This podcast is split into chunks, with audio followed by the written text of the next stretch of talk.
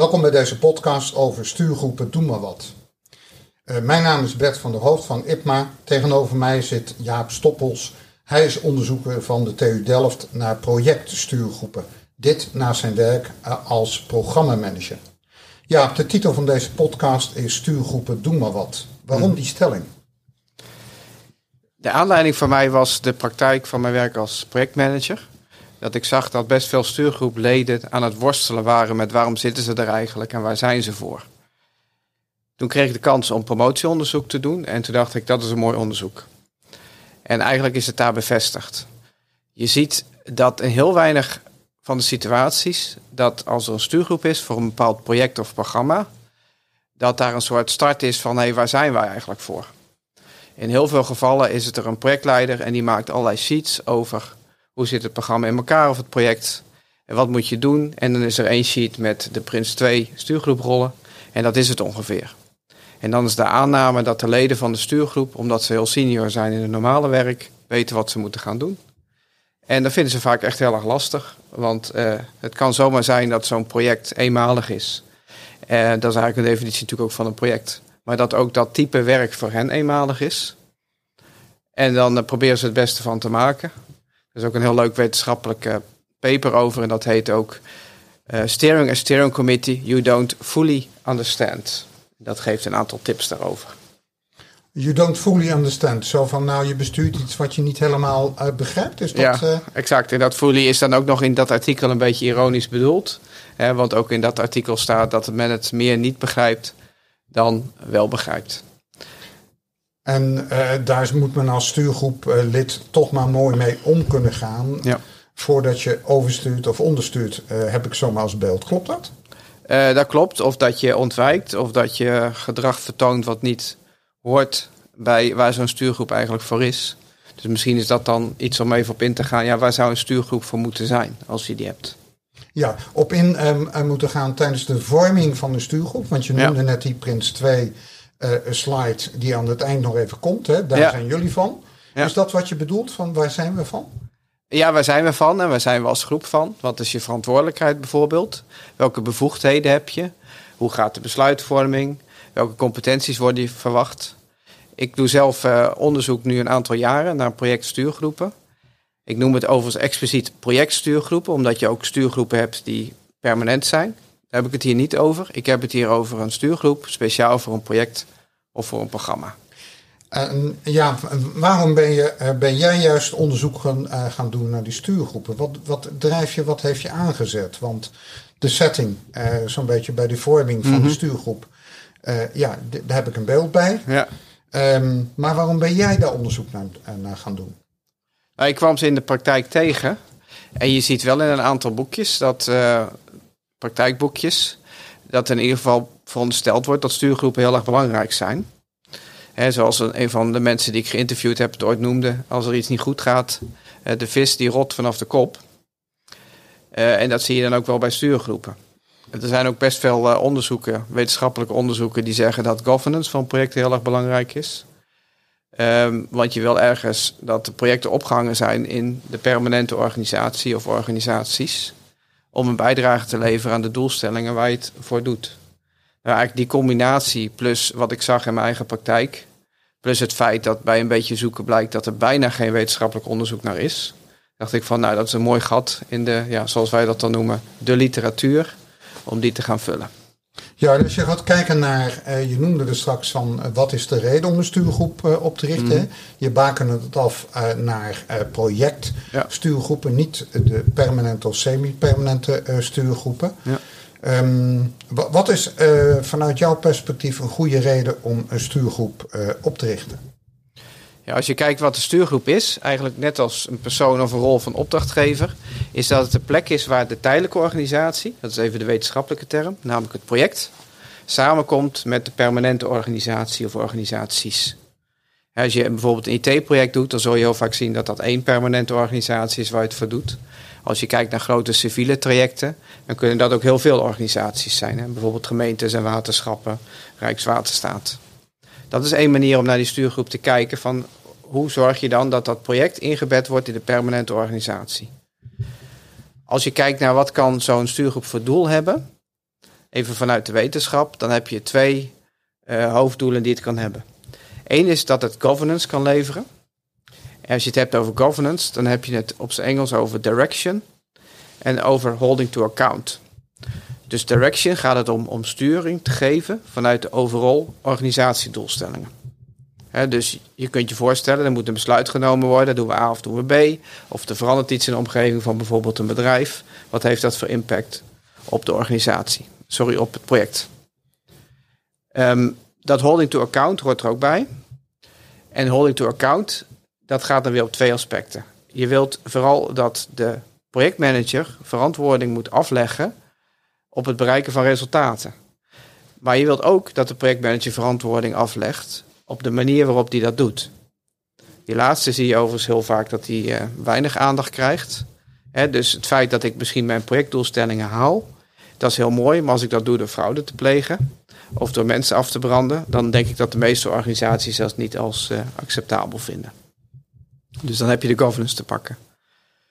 Een tweede reden voor een stuurgroep kan zijn dat het project ondersteuning, op zijn Engels support, nodig heeft. Op een manier die de projectmanager niet één op één met bijvoorbeeld een opdrachtgever kan bereiken. Dat zie je heel erg als je tegenstrijdige doelstellingen hebt binnen je project. En dan is eigenlijk die stuurgroep een manier om de stakeholders, of eigenlijk een deel van die stakeholders, bij elkaar te krijgen. En ook een stuk besluitvorming te krijgen, waarbij in ieder geval een deel van die stakeholders meegenomen wordt. En dat die project, die stuurgroepleden ook uh, acties ondernemen dat hun achterban zich ook gaat conformeren aan die beslissing die genomen is. Uh, laat ik een voorbeeld geven. Ik heb zelf heel veel ERP-implementaties gedaan. En dan zie je dat er altijd tegenstrijdige doelstellingen zijn. dus je ziet dat bijvoorbeeld voor IT, die wil naar gestandaardiseerd, geen maatwerk. Want dat is beter voor het eh, beheer en voor upgrades. Maar als je kijkt naar gebruikersgroepen, wil je vaak wel een bepaalde hoeveelheid van maatwerk. Omdat iets uniek is of omdat anders de business change te groot is. Dat is echt een typische reden waarom je dat support van die stuurgroep nodig hebt. Zodat als daar een besluit genomen wordt via een vorm van consensus, dat ook die stuurgroepleden zeggen: ja, ik ga wat doen. Ik ga namelijk ook zorgen dat mijn achterban zich houdt aan die beslissing, die misschien voor mijn achterban niet 100% ideaal is.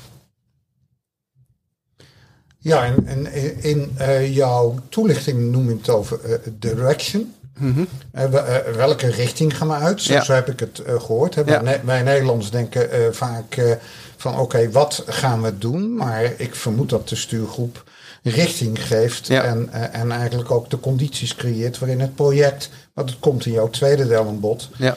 uh, het project en haar mensen kan performen. Ja. Um, ja, klopt. Natuurlijk een goede stuurgroep geeft wel vrijheid aan de projectmanager. Er is weinig wetenschappelijk onderzoek naar stuurgroepen, maar er is wel vrij veel onderzoek naar de verhouding tussen de opdrachtgever, vaak wordt het dan gezien als een persoon, en de projectmanager.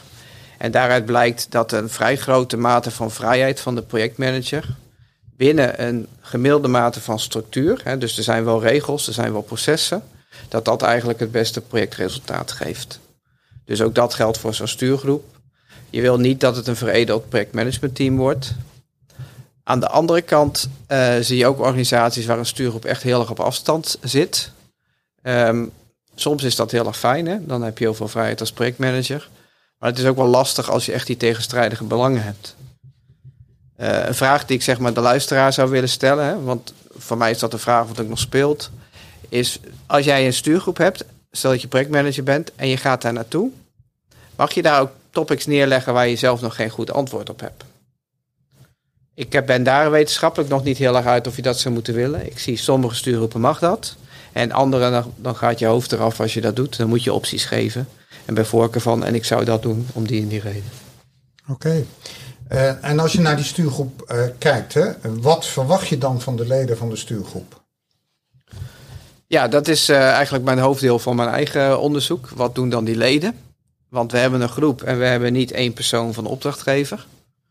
En die vraag van waarom zijn er eigenlijk meerdere mensen in de stuurgroep, ja, dat is wetenschappelijk heel interessant, maar ik denk ook in de praktijk ik verwacht van die leden toch wel een vorm van, uh, van betrokkenheid. Maar bovenal dat ze weten waar ze daarvoor zijn. Wat het ook is. Je, ik zie daarbij in de praktijk, als ik kijk naar rollen en ja, eigenlijk vooral de verantwoordelijkheden van individuele leden. Dat ook bij bedrijven die geen Prins 2 hanteren, dat toch die Prins 2 termen daar weer in terugkomen. Dus blijkbaar is een vorm van behoefte om een stuk structuur te geven van nou, ik ben voor de gebruikersvertegenwoordiging van afdeling X. Ik ga over die en die processen. Ehm, ik ga over geld of niet. En ik, mijn stelling is dat het allerbelangrijkste is dat je onderling een vorm van consensus hebt en dat je deelt als stuurgroepleden van waar ga jij over, maar ook waar ga jij niet over en welke bevoegdheid hoort erbij. Ik uh, heb een heel mooi voorbeeld een keer gezien van een stuurgroep van een, uh, ja, een heel grootschalig dijkveranderingstraject. Dat is een heel stuk van uh, ja, een dijk van de grote rivier in Nederland. Die moet verplaatst worden vanwege hoog water. Maar dat betekent ook het aanpassen van natuurgebieden, boeren worden geraakt, binnenstad van de historische kern wordt geraakt. Dan zie je dat daar wethouders in zitten, dijkgraaf, Rijkswaterstaat, twee uh, mensen van de Provinciale Staten, twee gedeputeerden. En die zeiden heel erg, wat belangrijk is in de besluitvorming, dat je je bezighoudt met wat jou raakt. Dus uh, zij vonden zelf dat ze een hele goede stuurgroep hadden, vooral ook door de hele goede voorzitter. Maar als jij dus een gemeente bent en er, er is iets aan de hand en het gaat niet, gaat niet over jouw grondgebied, zeggen zij, dan moet ik me er eigenlijk niet mee bemoeien. Heb je, gaat het wel over jouw grondgebied, dan mag jij niet zomaar overrold worden. Ook letterlijk niet. want als jouw brandweer vindt dat iets niet veilig is in een bepaalde periode, dan kan de andere van alles willen. Maar dan zul je toch moeten zorgen dat die veiligheid volgens jouw brandweer voldoende is. Nou, in het bedrijfsleven zie je vaak een tussenvorm. Dat toch die voorzitter ook wel vaak de hoogste in, in rang is. Bij ERP heel vaak een lid van de raad van bestuur. Dus die kan wel een vorm van overroelen. Maar ja, maak daar in ieder geval afspraken over dus wat, wie gaat waarover en ook wat doe je als er lastige issues komen? En die gaan natuurlijk komen, want anders zou die stuurgroep ook niet nodig moeten zijn. Ja, wat natuurlijk ook een relatie heeft met, uh, met de motivering uh, van de mensen in het uh, project. Want als je dat in de stuurgroep niet doet en als voorzitter sla je de boel plat met een lekker autocratisch besluit, dan weet je wat je doet met commitment van de leden van de stuurgroep. Laat staan met uh, de projectbetrokkenen. ja, en doe dan gewoon geen stuurgroep. Ik denk in de praktijk ook dat we ook wel stuurgroepen hebben voor projecten waar het niet voor hoeft. Ja. Omdat het een soort gewoond is. Wat vanuit mijn uh, referentiekader als oud uh, programmamanager en als oud lijnmanager uh, mm -hmm. raakt, is ik denk te herkennen van zoals ik naar stuurgroepen kijk, ik kijk altijd rond de tafel van voor welk deel van het resultaat exact, ja. sta jij. En, mm -hmm. en, en dat betekent dus dat je ook het mandaat ervoor moet hebben en het eigenaarschap. Ja. En dat bedoelen we niet sec de middelen in, in de zin van de resultaten, maar ook de mensen. Ja, en ik zie, uh, ik heb denk ik nu enkele tientallen, of zeker enkele tientallen stuurgroepen heb ik mensen van geïnterviewd. Hè, van sommige stuurgroepen veel meer mensen. En dan zie je dat nagenoeg nooit van tevoren gezegd worden, waar ga jij eigenlijk over? Het maximaal is eigenlijk een soort sheet van, ja, jij hebt de rol van senior user bijvoorbeeld op zijn Prince 2's. En dan, citeer ik een, een opdrachtgever van een uh, project voor een, zware upgrade van een productieomgeving. Gewoon fysieke, zwaar, zware industrie. En zegt, ja, ik, ik heb ooit eh, twintig jaar terug een Prins 2 uh, eh, cursus gehad. Dus ik heb het boekje maar weer bijgehaald dat mijn rol eigenlijk is. En denk, ja, dat is niet goed. Want dat blijft heel algemeen. Mensen interpreteren dat op een manier die niet klopt. Als ik vraag, wat, wat versta je dan onder zo'n rol? Dan is dat meestal niet de Prins 2 definitie. Nou, soms wel, maar heel vaak ook niet. Dat is ook al grappig. Maar het is ook nog een keer voor welke afdeling bijvoorbeeld ben je dan als jij senior user bent. En als jij senior user bent, ben je bijna ook altijd enigszins senior supplier. Want jij levert ook mensen als het gaat om veel projecten. En welke mensen lever je dan? Nou, we kennen het allemaal als projectmanager. Ik verwacht dat de meeste luisteraars projectmanager zijn. Maar vraag je nou eens af, jouw stuurgroepleden, waarschijnlijk vertellen ze het niet tegen je. Maar weten zij nou echt waarom zij in die stuurgroep zitten? Wat wijkt daarin af van de normale lijnfunctie die ze hebben? Wijkt die ook af? Ik denk dat ze vaak denken van niet. En wat ik daar nog wel wil toevoegen, ik heb ook onderzoek gedaan naar hoe worden die leden dan geselecteerd.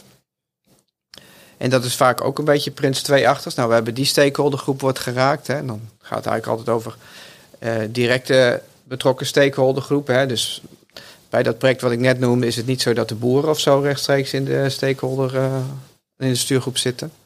En maar wel weer de wethouder. Of weet ik veel, hoofd productie als het gaat om een ERP-implementatie. Uh, die worden geselecteerd van nou, we denken dat we die en die stakeholdergroep moeten hebben. Daar hoort die rol bij. Daar hoort dus die functie bij. En daar komt die meneer of mevrouw uit. Of ze competenties hebben, of ze interesse hebben. Het is niet dat het nooit meegenomen wordt, maar dan moet, er wel, moet het wel gek lopen. Meestal is het daarop. En dan zit je erin en gefeliciteerd. En je hebt een startmeeting. Waarschijnlijk gewoon een stuurgroepmeeting met een paar sheets van de projectleider. Als je mazzel hebt voorgesproken met de opdrachtgever. En dat is het zo. Er zijn ook bijna geen opleidingen voor stuurgroepen. En bedrijven die ze wel hebben, die gebruiken ze niet. En dat betekent dus dat eigenlijk die hele vorming en die sociale constructie, waar we in projectmanagement aandacht aan, uh, aan geven, in de teamvorming, in de sociale constructie, in de kick-off, het opzetten, dat doen we dus niet op stuurgroepniveau. Nee, de aanname is, uh, ik, ik ben een senior manager, daarom ben, ik, ik heb een bepaalde functie, daarom kom ik erin, dus ben ik ook goed hierin. Nou, dat kan zo zijn, maar niet altijd. En dan moet je op zijn minst weten waarom je daar zit en wat je, je verantwoordelijkheden en je bevoegdheden zijn. En het is voor een projectmanager ook wel lastig. Want ook de mensen die ik spreek, dan zeggen ze aan het eind, ja, eigenlijk hadden we dat moeten doen, hè. En de, de projecten waarin je ziet dat zo'n stuurgroep wel en echt coaching bijvoorbeeld krijgt hè, als groep of een formele training, zijn vaak eigenlijk de projecten die al in heel zwaar weer hebben gezeten. Dus dat is niet bij de start, maar er is het meer bij een soort van herstart.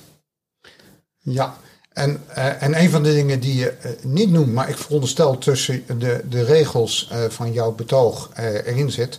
Het is niet alleen waarvoor ze zijn, maar ook wat een eigenlijk achterliggende belang is. Ja. Want het kan breder zijn dan hun, hun verantwoordelijkheid in de organisatie. Ja, dat is een goede. Die heb ik niet genoemd. maar dat, dat sluit ook aan bij de resultaten, wat je ziet.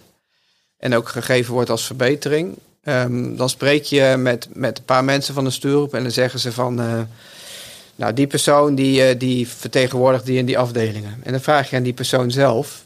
En dan zegt hij, nee, ik vertegenwoordig alleen mijn eigen afdeling. Dat is natuurlijk wel heel eng. Want ergens ontstaat dan een gat. Het kan toevallig goed gaan. Of de projectmanager gaat uh, proberen te compenseren. Maar dan had je verwacht dat dat expliciet is gemaakt van jij bent, laten we zeggen, in dit geval zijn er drie divisies.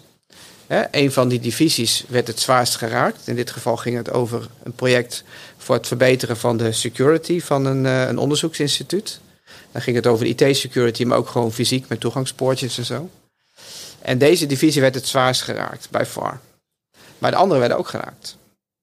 Dus, um, en die staat er niet rechtstreeks in de stuurgroep. Nou, er is wat voor te zeggen, want ja, je wil ook geen twintig man erin hebben. Hè. Echt, uh, mijn ervaring is onder de acht is wel handig. Maar dan uh, had je dat eigenlijk wel af moeten spreken. Of dat die persoon dat niet vertegenwoordigt en dat de rest zich conformeert. Hè?